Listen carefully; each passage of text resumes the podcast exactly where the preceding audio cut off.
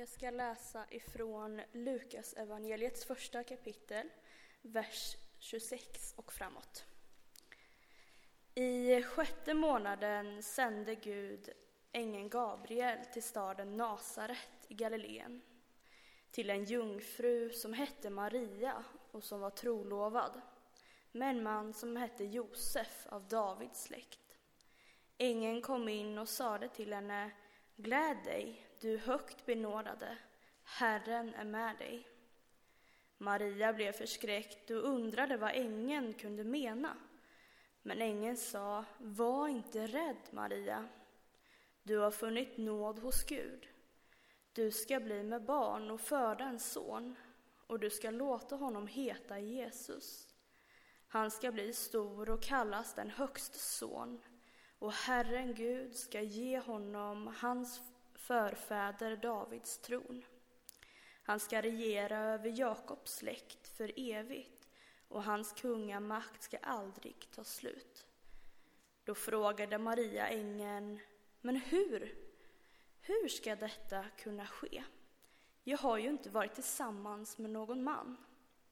Ängeln svarade, den helige Ande ska komma över dig och den Högstes kraft vila över dig. Därför ska det, eh, ska det bara nej vänta. Därför ska det barn du föder vara heligt eh, och kallats Guds son. Din släkting Elisabet väntar också barn, trots sin höga ålder. Hon som man sa var steril är nu i sjätte månaden. Ingenting är omöjligt för Gud. Maria sa, jag är Herrens tjänarinna. Låt det bli med mig som du har sagt. Sedan lämnade ängeln henne.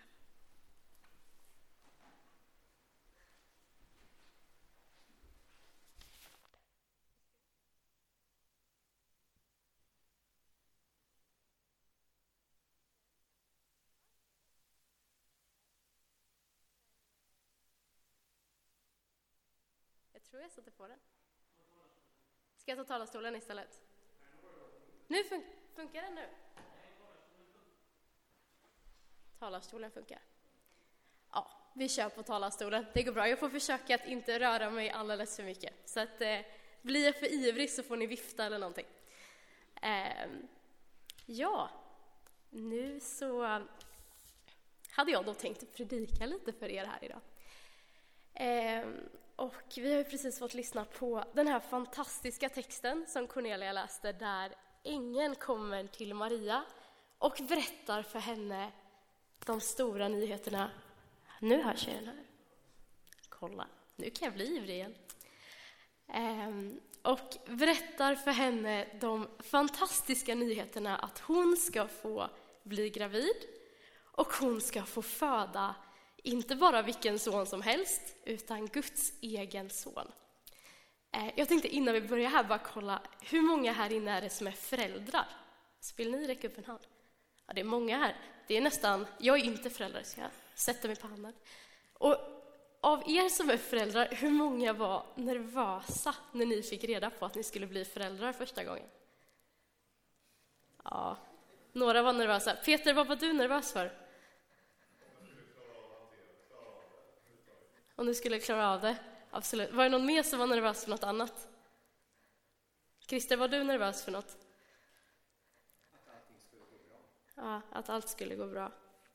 Ja, jag är inte förälder själv, men ja, när jag läser den här texten så läser jag mig verkligen in i Marias nervositet. Eller jag tänker i alla fall att Maria måste varit ganska nervös.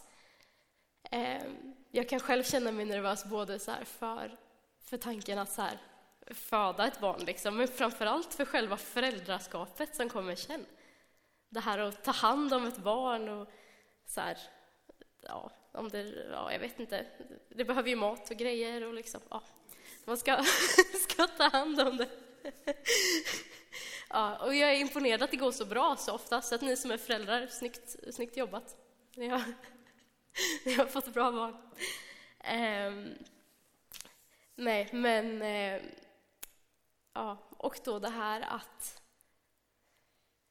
inte bara veta att du ska bli förälder, utan få höra att du ska bli förälder till Guds egen son.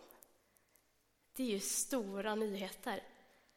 Eh, och då kan man ju tänka att wow, vem är då den här Maria som får den här jättestora uppgiften att inte bara föda utan också uppfostra och ta hand om Guds eget barn, Gud själv, Jesus. Och då kan man ju tänka, oj, hon måste varit jätteerfaren förälder, eller hur? Eh, men det var hon ju inte. Vi vet från texten att hon var en ung flicka eh, från staden Nasaret. Och i den här församlingen så vet jag att man är ju ung under 50, men för Men Maria var betydligt yngre än så. Ni kanske kan titta på mig och känna, ja hon är nog ganska ung. Men jämfört med hur gammal Maria var, då är jag jättegammal. Jag borde varit flerbarnsmamma för länge sedan, om jag levde i Israel på den här tiden. Nej, när jag försöker kolla lite på det här så ser man att man tror att Maria var kanske, vad kan hon ha varit, 12 till 14 år kanske, eh, tror vi, någonstans där. Eh, som var väldigt ung. Eh, för att när man var äldre än så, då var man bortgift i den här tiden. Så en väldigt ung tjej. Hon hade aldrig haft något barn innan. Eh, och hon kommer från staden Nasaret. Och Nasaret på den här tiden, det var liksom en liten bondhåla kan man säga i Israel. Alltså jättelite, lite som eh, jag har inte bott här så länge, men eh, kanske Vegby kan vi jämföra det med. En liten, en liten bondhåla så. Eh, nu hoppas jag att ingen är... Ja, nej, men skitsamma. Eh, så en liten bondhåla kommer Maria och Josef ifrån. Vi tror att de kanske inte var superbildade då. Hon har inte erfarenhet av att vara mamma innan. Eh, och dessutom då på den här tiden så fanns det liksom ordspråk i, eh, i Israel, så här, att inget gott kunde komma från Nasaret. Kollar man på serien The Chosen så kan man se det här gång på gång, att så här, ja, inget gott kan väl komma från Nasaret. Eh, och vi vet dessutom att Maria och Josef, de var fattiga. Eh, det kan vi se senare i Bibeln när de ska offra ett offer. Så rika personer offrade liksom lamm eller kor. Så här. Men eh, Maria och Josef de offrar två duvor och det var liksom fattigmansoffret på den här tiden i, bland judarna. Ehm, så vi vet att hon var ung, hon var fattig och hon kommer från en liten avkrok i Israel. Men just henne kommer Gud till och säger och det här tycker jag blir, alltså med den här bakgrunden blir det så mycket större vad ängeln säger till Maria här. För ängeln säger var hälsad du högt benådade. Herren är med dig. Var inte rädd, Maria. Du har funnit nåd hos Gud. Det här är jättestora ord. Att, så här, att Maria, trots hur liten hon är, så ser Gud har sett henne. Gud har utvalt henne. Inte för att hon är rik eller har massor erfarenhet eller för att hon är just den bästa möjliga mamman, utan för att Gud har valt det. Och för att Gud, det handlar egentligen inte om vad, vem Maria är eller vad hon kan göra, utan det handlar om vad Gud väljer att lägga i henne.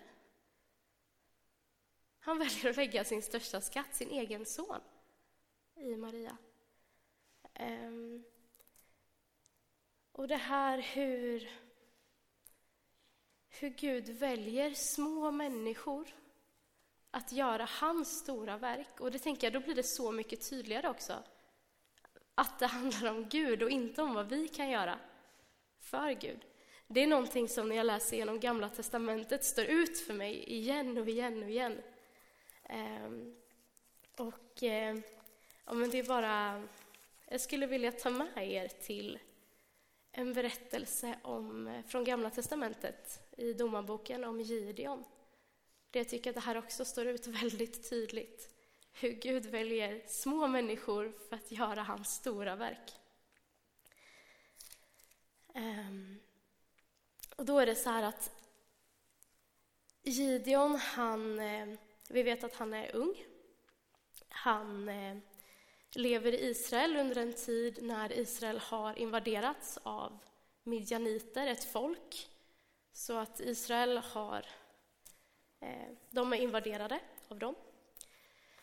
Ehm, och ehm, Gideon, han, ehm, han kommer från en liten släkt, Manasse i Israel. Och han säger själv, på den här tiden i Israel så är, som Gideon lever och så, eh, då är ens släkttavla lite som en CV kan man säga. Så att eh, det är väldigt viktigt vilken släkt man kommer ifrån. Och han säger det själv så här, att han är från en liten släkt, han kommer från en obetydlig släkt i den här Manasse och han är yngste sonen. Så han är verkligen ingen så stor person heller. Eh, men Israel är invaderat och en ängel kommer till Gideon och säger till Gideon var hälsad, du tappre krigare. Ehm, och så säger ängeln till Gideon bara, du ska få rädda hela Israels folk från midjaniterna. Och Gideon kollar på den här ängeln och bara säger, vem, vem är jag att göra allt det här? Du vet ju att jag kommer från en jätteliten släkt. Jag kommer från den obetydligaste delen av den här släkten och jag är yngsta sonen. Det här går ju inte. Ehm, men då så säger ängeln till, ehm, eller då säger Gud till Gideon så här, ehm, att jag ska vara med dig så precis samma svar vi såg till Maria förut ser vi här till Gideon, fast tusen år tidigare. Eh, Gideon svarar, han är liten, men Gud svarar, jag är med dig. Um, ja. Och eh, sen så, Gideon, han, eh, men han, han tvivlar ganska mycket på Gud. Han eh, ber om flera tecken från Gud, att han ska verkligen visa att han är med. Så bland annat, jag tycker om det här tecknet, han, han tar en bit ull och så lägger han den på marken utanför sitt tält och så säger han till Gud, alltså Gud, om det är så att du verkligen är med och att jag ska få besegra det här folket som har invaderat oss, gör då så att den här tussen ull är blöt och marken runt omkring är helt torr nästa morgon. Så går han och lägger sig och sover och så vaknar han och sen så ser han att den här Ulltusen är jätteblöt, den går att krama ur och marken runt omkring är helt torr. Och för vissa av oss kanske det känns att ah, nu kan jag lita på att Gud är med. Men Gideon, han är ändå inte helt säker. Så han säger till Gud igen att så här, ja Gud, för att jag verkligen ska lita på dig så får du göra ett nytt tecken. Så då tar han den här tussen igen och så säger han, ja men om ulltussen är torr och marken runt omkring är blöt. Imorgon när jag vaknar, då, då kör vi. Så då går han och lägger sig, han vaknar, ullen är torr, marken runt omkring är blöt. Så då måste väl Gideon lita på det här att Gud är med. Tydligen, rackarns. Eh, men så att han samlar ihop en armé. Han får ihop 32 000 man, ganska stor armé ändå och går då med den här till där midjaniterna är. Eh, och midjaniterna här, de är eh, för jämförelses skull, de är 135 000. Så det är en ganska stor övermakt de är mot. Eh, så att de har sitt läger här uppe på ett berg. 32 000 man ser den här stora hären av 135 000. Och då talar Gud till Gideon. Och då säger Gud så här i Domarboken 7, vers 2. Herren sade till Gideon, du har för mycket folk med dig. Kan ni smaka på det? Han säger, du har för mycket folk med dig. Jag vill inte ge midjaniterna i deras våld, för då kunde israeliterna ta åt sig äran och tro att de segrat av egen kraft. Och här kan ju jag bli lite provocerad av Gud i den här texten. För han har 32 000 man mot 135 000. En strid liksom. Um, så de är stor undermakt. Men Gud säger, du har för mycket folk med dig.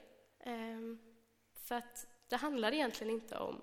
För Gud vill, Gud vill visa att det verkligen är Gud som segrar och inte Gideon själv. Och inte israeliterna. Så då så får Gideon olika uppdrag att liksom skilja bort så att hären blir mindre av Gud. Så först så får alla som är rädda gå hem. Då sticker 22 000 personer. Eh, så då är det 10 000 kvar som då inte är rädda. Mot 135 000. Eh, men sen så säger Gud fortfarande att det är fortfarande för mycket folk. 10 000 är fortfarande för mycket. Så då så är det någon jättekonstig urskiljningsgrej här då där, eh, där de ska dricka vatten. Och alla som dricker, det står att alla som dricker som en hund, jag vet inte om man dricker som en hund, jag tror typ, ja, det är lite oklart. Men alla som dricker vatten på ett visst sätt, de ska stanna och resten får åka hem. Eh, och de då som dricker vatten på det sättet som Gud säger, det är 300 personer. Så nu står alltså Gideon, 300 personer, den tappra krigaren, han som är utvald av Gud, de står och ska möta en här på 135 000. Och eh, hade jag varit Gideon här hade jag varit superrädd. Eh, och eh, Gud säger faktiskt det till Gideon, han säger så här att ja, men Gideon, om på, på natten innan de ska anfalla så säger Gud till Gideon att om, om du är rädd så, så gå, gå ner till deras läger och lyssna på vad de säger. Det står att Gideon gör det, så att vi vet att han är rädd. Eh, han lyssnar och då är det någon i lägret som har haft en dröm och drömt en, ja, en dröm att en vetekaka ska rulla ner från berget. Men poängen är att eh, de tolkar den här drömmen som att Gideon kommer segra över midjaniterna. Så att midjaniterna är rädda, för de har drömt att Gideon kommer vara den som ser, att Gud kommer segra genom Gideon. Eh, så att då går de här Gideon, de 300 männen, de ställer sig i en stor ring runt den här 135 000 männen. Det står att de har krukor med sig och en fackla i ena handen och trumpeter. Jättekonstig stridskonst skulle jag säga. Eh, de slår sönder krukorna, de stöter i hornen. Och Gud gör så att midjaniterna slår ner sig själva, eller de börjar strida mot sig själva. Och Gideon segrar utan att utdela ett enda slag. För att det handlar om Gud och inte om oss.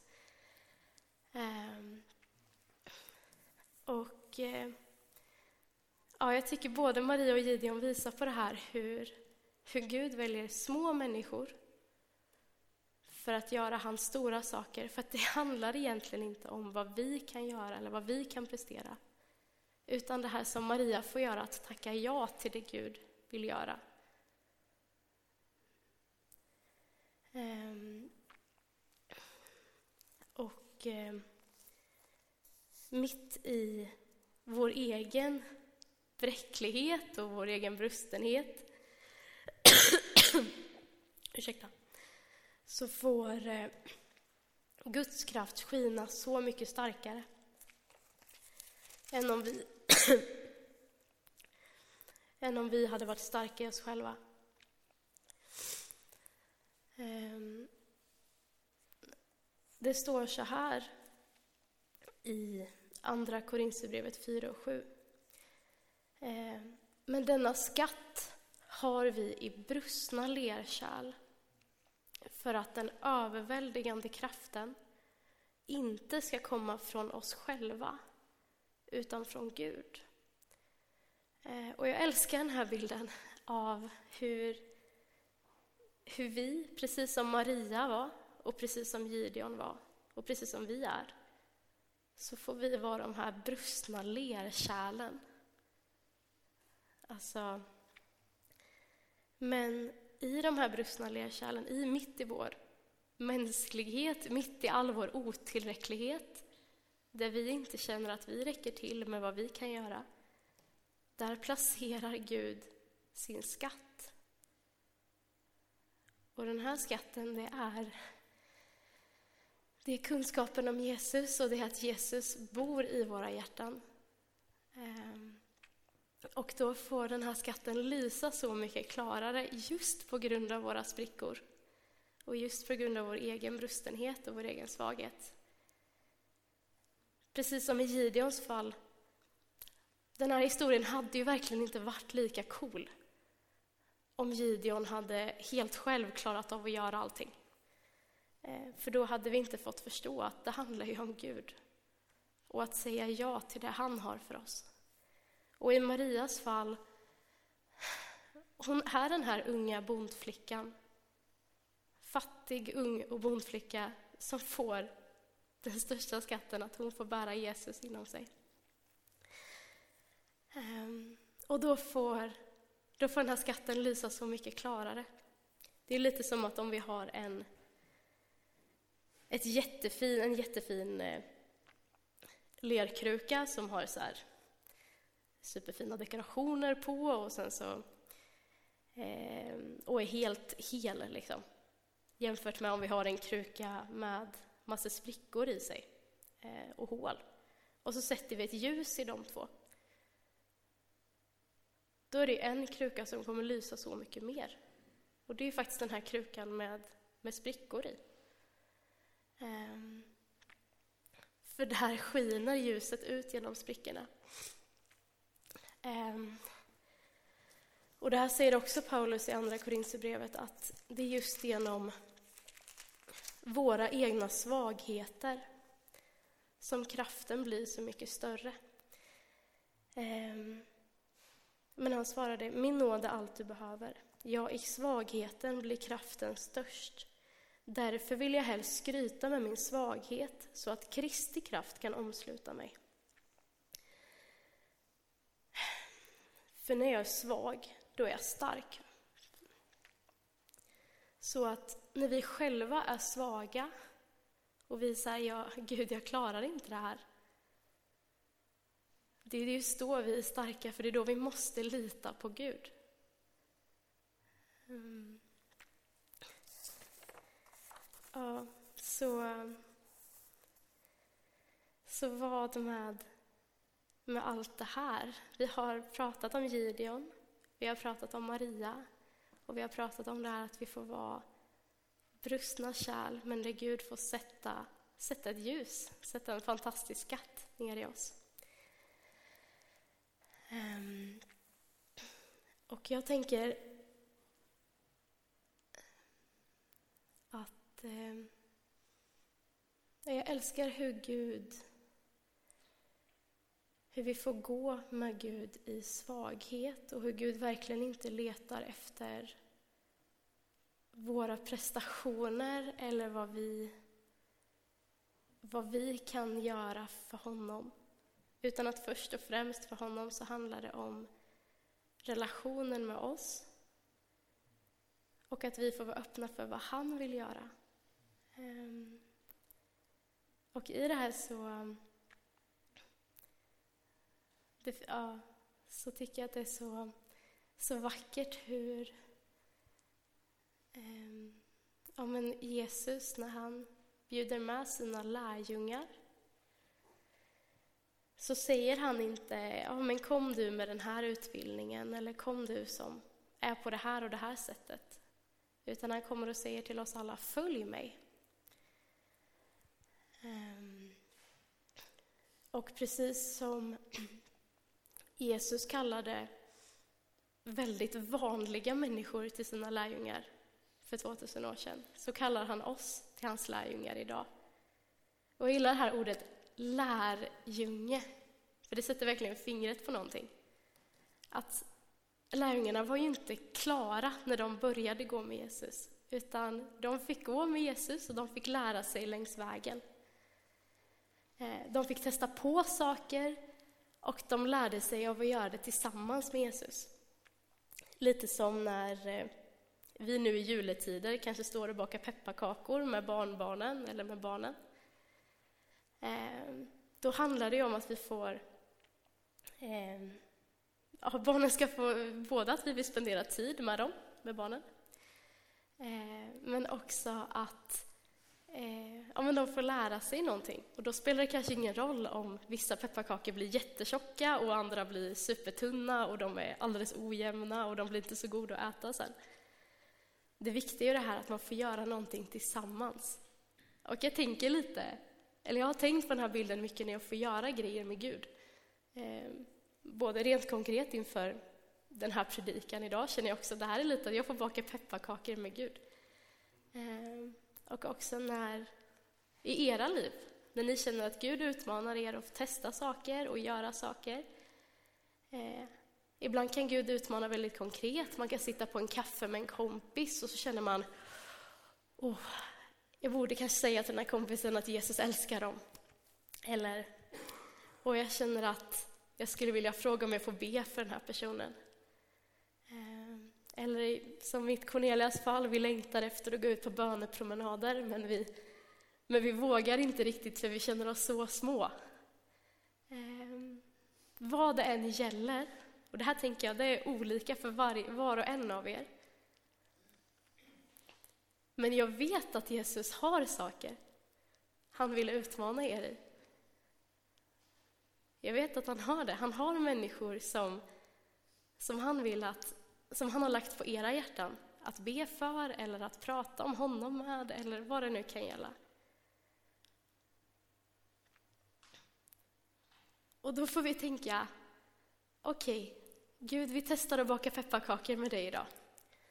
Eh, det kanske inte blir perfekt, det kanske inte, men vi får testa och vi får gå i det. Eh, och vi får lämna resultatet till honom. Jag hade en väldigt klok lärare på Götabro som sa det, Leila heter hon. Ehm, hon sa att inför hennes lektioner så ber hon alltid den här bönen att Gud, om det här blir bra, all ära till dig. Men Gud, om det här blir skit, all skit till dig också. Alltså så här, vi får verkligen, när vi går med Gud, då får vi lämna resultatet åt honom. För det handlar inte om våra prestationer, utan han är ljuset som lyser i er, som lyser i mig. Och då så kallar han er ut i någonting, då tar han också hand om resultatet. Den här kompisen, tar den till slut, följer den med till kyrkan, tar den emot Jesus. All ära till Gud. Går det skit blir den här kompisen arg på er och bara varför snackar du om Jesus helt plötsligt? Eller varför frågar du om du får be för mig? Eller så här. Okej, okay, men all skit till Gud också. För att det handlar, i, i slutändan handlar det inte om oss. Det handlar inte om vad vi har för erfarenheter eller vad vi kan prestera för Gud. Eller vad vi kan ja, men, i vår egen kraft göra. Det handlar inte om det. Det handlar om vad Gud, alltså Gud som har skapat hela den här världen, Gud som sände sin son till världen för att rädda oss, för att, för att rena oss från alla synder, för att föra oss till honom och ha en relation med oss. Det handlar om honom. Och vi får vara bärare av honom. Och precis som Jesus säger i bergspredikan säger han till er just nu, han säger ni är världens ljus. En stad på ett berg kan inte döljas. En lampa den sätter man inte under en bunke, eller man gömmer inte en lampa. Man sätter den inte under en helt hel kruka och gömmer ljuset. Utan du sätter den på hållaren. Ni syns där ni är, precis i er vardag så syns ni. Jesus bor i er alla. Jesus älskar er. Och Jesus kallar ung som gammal att få vara lärjunge till honom och gå med honom. Så spendera tid med honom och var lite lyhörda när han utmanar er i saker. För när han utmanar er i saker, då är han också med. Han älskar er och Gud välsigne er och tack för att ni har lyssnat nu eh, på den här predikan. Eh, jag skulle bara vilja be lite kort innan jag avslutar och vi sjunger tillsammans. Ja, Jesus, jag tackar dig för att du är så stor. Jag tackar dig för din godhet, att du har valt att lägga den största skatten av dem alla. Din närvaro, att vi har fått lära känna dig. I oss, i oss som är vi är brustna lerkärl, vi, vi misslyckas, vi, vi kan inte själva, Gud. Men jag tackar dig att du kan. Jag tackar dig för alla mina vänner här inne som du älskar så mycket. Jag tackar dig för det de har fått se av dig i, under sina liv. Jag tackar dig för allt det goda du har gjort i deras liv. Men jag tackar dig också Jesus för att det finns mer för dem att se. Inte i egen kraft, inte för att de kämpar och är duktiga, utan för att du är med. Din heliga Ande bor i dem. Och jag bara ber Jesus för, för varje person att när de kommer ut i den här veckan till sina kompisar, till sina arbetsplatser eller eh, grupper på olika sätt. Jag bara ber om de här små utmaningarna. Att våga fråga, får jag be för dig?